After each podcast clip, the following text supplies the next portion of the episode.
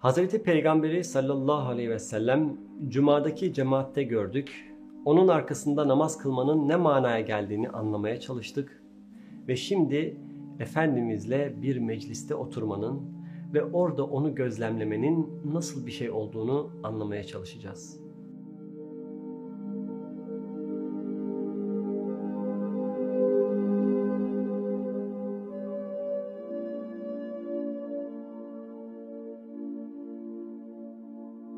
Sahabeler, özellikle gençler, Efendimiz Aleyhisselatü Vesselam'la geçirdikleri sabahları çok severdi. Sabah namazında sahabeye imamlık ettikten sonra güneşin doğuşuna ve duha namazına kadar mescitte Allah'ı zikrederdi Peygamber Efendimiz. Duha namazını 2, 4 veya 6 rekat olarak kıldığı oluyordu.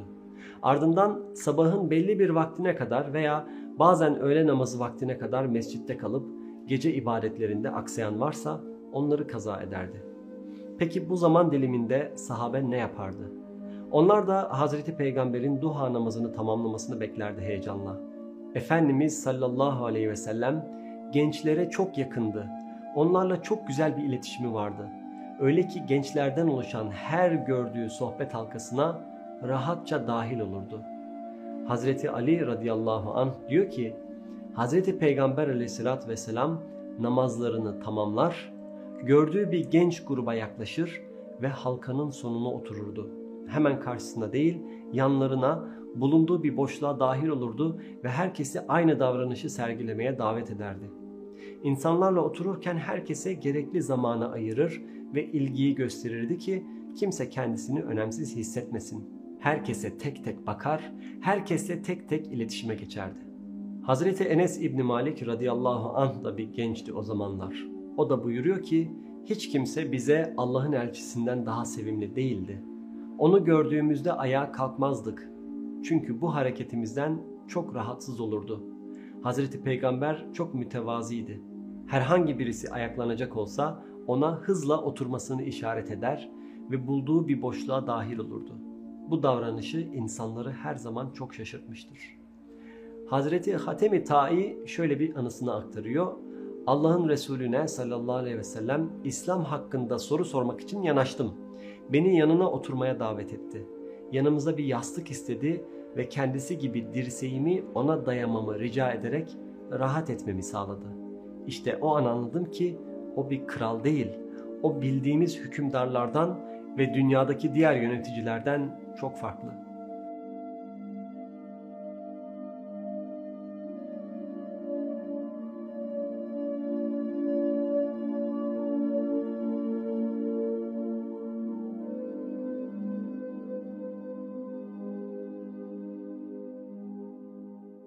Hazreti Ali radıyallahu an o meclislerde bulunan herkesin Hazreti Peygamber aleyhissalatü vesselamla aynı ortamda bulunmaya alışık olmadığını aktarıyor. Eğer herhangi birisi ona bir ihtiyacından bahsetse Allah Resulü o insanı asla eli boş göndermezdi. Bir çare bulamasa dahi kalbini teselliyle hoş eder ve öylece ayrılmasını sağlardı. Hazreti Cabir İbni Samurah'a Allah Resulü sallallahu aleyhi ve sellem ile aynı ortamda bulunup bulunmadığı sorulunca bulunduğunu söyleyip şu sözleri aktarıyor. Hazreti Peygamber aleyhissalatü vesselam mescitte sabah namazını kılmıştı. Ardından köşesinde zikrini tamamladıktan sonra arkadaşlarının yanına geldi. O sırada ortamdaki insanlar cahiliye döneminden kalma şeyler hakkında muhabbet ediyordu. Şiirler söyleyip gülüyorlardı. Allah Resulü de sallallahu aleyhi ve sellem bizimle birlikte gülümserdi. Yanımızda sessizce oturur ve zikrine devam ederdi. Evet, Efendimiz insanlara dahil oluyor, yanlarında oturuyor, gülümsüyor ve onlarla ilgileniyor.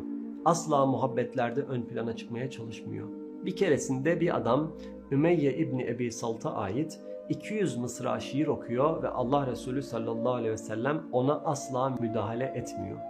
İbn Sirin rahimehullah'a sahabenin hiç eğlenip eğlenmediği, şakalar ve gülmelerle dolu insani zamanlarının olup olmadığı soruluyor. Cevabında sahabenin de insan olduğunun altı çiziliyor. Hz. İbni Ömer radıyallahu anh dahi şakalar yapar, şiirler yazardı. Yani o ortamlar sadece ve sadece 7-24 Allah'ın zikredildiği, ibadetlerin yapıldığı meclisler değildi. Hayatın doğal akışı devam ediyordu.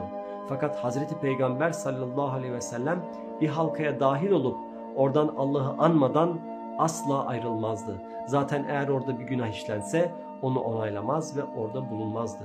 Ve sahabe de Efendimizin aralarına dahil olmasından çok mutluluk duyarlardı. Hazreti Zeyd ibn Sabit radıyallahu anh anlatıyor. Allah Resulü aleyhissalatü vesselamla bulunduğumuz zaman dünyalıktan bahsetsek bizimle birlikte dünyalıktan bahsederdi. Ahiretle ilgili konuşsak ona da dahil olurdu. Yemek muhabbeti yapsak ona da yorum yapardı. Peki Efendimiz nasıl hitap ederdi? Öncelikle her zaman sadece hayır konuşurdu. Konu dünyalıksa ondaki hayra yönelik şeylere vurgu yapardı. Yemekten bahsederken beslenme alışkanlığımızı nasıl faydalı hale getirebiliriz? Ne yemeliyiz? Ve tabii ki sevdiği yiyeceklere de atıflar yaparak yönlendirirdi bu konuşmayı. Çok bilinen hadislerden birisinde de İbn Mesud radıyallahu an şöyle anlatıyor. Gençlerden bazılarımız mescitte oturmuş nasıl evlenmemiz gerektiğinden konuşuyorduk. Evet sadece ahiret meseleleri değil evlilikten bahsediyorduk. Allah Resulü sallallahu aleyhi ve sellem yanımıza gelince buyurdu ki aramızdan kiminin durumu elverişliyse evlensin, evlenmeye gücü yetmeyen kimse ise oruç tutsun. Çünkü oruç insanın şehvetini kırar dedi. Bu sohbet halkalarında Efendimiz insanlara gördükleri rüyaları da sorardı. Fakat sadece olumlu rüyaları duymak isterdi. Negatif rüyaların şerrindense anlatmayıp Allah'a sığınmayı tavsiye ederdi. Durum böyle olunca herkes güzel rüyalar görmek için dua ederdi ki Allah Resulüne anlatmak, onunla paylaşmak için bir fırsat da olsun. Abdullah İbni Ömer radıyallahu anh da o sahabelerden birisi. Hazreti Peygamberle paylaşma heyecanı ile güzel rüyalar görmek için Allah'a yakarışlarda bulunduğunu aktarıyor. Fakat kendisi korkutucu bir rüya görüyor. Ama Allah Resulü bu rüyasını kız kardeşi Hazreti Hafsa radıyallahu anh aracılığıyla yorumluyor. Gördüğünüz gibi Peygamber Efendimiz Aleyhisselatü Vesselam insanlardan bir insan olarak sohbet halkalarına dahil oluyor, herkesle muhabbet ediyor, herkesle yere oturuyor, özel bir konum almıyor ve insanlara cana yakın davranıyor. Çok işi olmasına rağmen ve çok insan onunla özel görüşme talep etmesine rağmen sabah namazı sonrası sohbet halkalarını herkesin rahatça dahil olduğu bir ortam şeklinde kalmasına özen gösteriyor. Bu arada Efendimiz sallallahu aleyhi ve sellemi mescitte uzanmışken görebilirdiniz. Bir ayağı diğerinin üstünde olabilir. Onu her türlü insani hallerde bulmak mümkün. Mesela bir yastığa yaslanmış da olabilir. Ama her zaman bulunduğu ortama huzur ve bereket dolu bir hava katmıştı. Peki birileri kendini dışlanmış hissetmiş olabilir mi? Evet. Kadınlar belli bir süre sonra bu hissiyata kapıldılar. Ebu Said radıyallahu anh buyuruyor ki bir gün kadınlar Hazreti Peygamber'in aleyhissalatü vesselam yanına gidiyorlar. Onun sürekli erkeklerle bulunduğunu ve kendilerinin hiç ondan istifade edemediklerinden yakınıyorlar.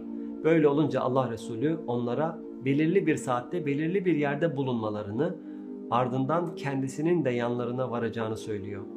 Hazreti Peygamber sallallahu aleyhi ve sellem hanımlarla buluşunca haftada bir gün belirliyorlar ve o gün onlarla sohbet etmek için ilim halkası oluşturmak için sözleşiyorlar. İlk sohbette kadınlara söylediği şeylerden birisi şu. İçinizden kim üç çocuğunu kaybederse kıyamet gününde onlar o anneye şefaatçi olacaktır.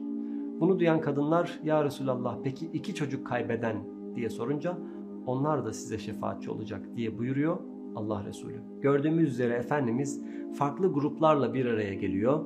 Onlara bir şeyler öğretmenin yanında bu öğretilerden ne fayda sağlayabileceklerini de anlatıyor. O sallallahu aleyhi ve sellem ümmetinden bir grup insanla oturur, sonra onları daha geniş bir perspektifle ve daha büyük bir mükafat peşinde koşacakları şekilde bırakır ve oradan ayrılırdı.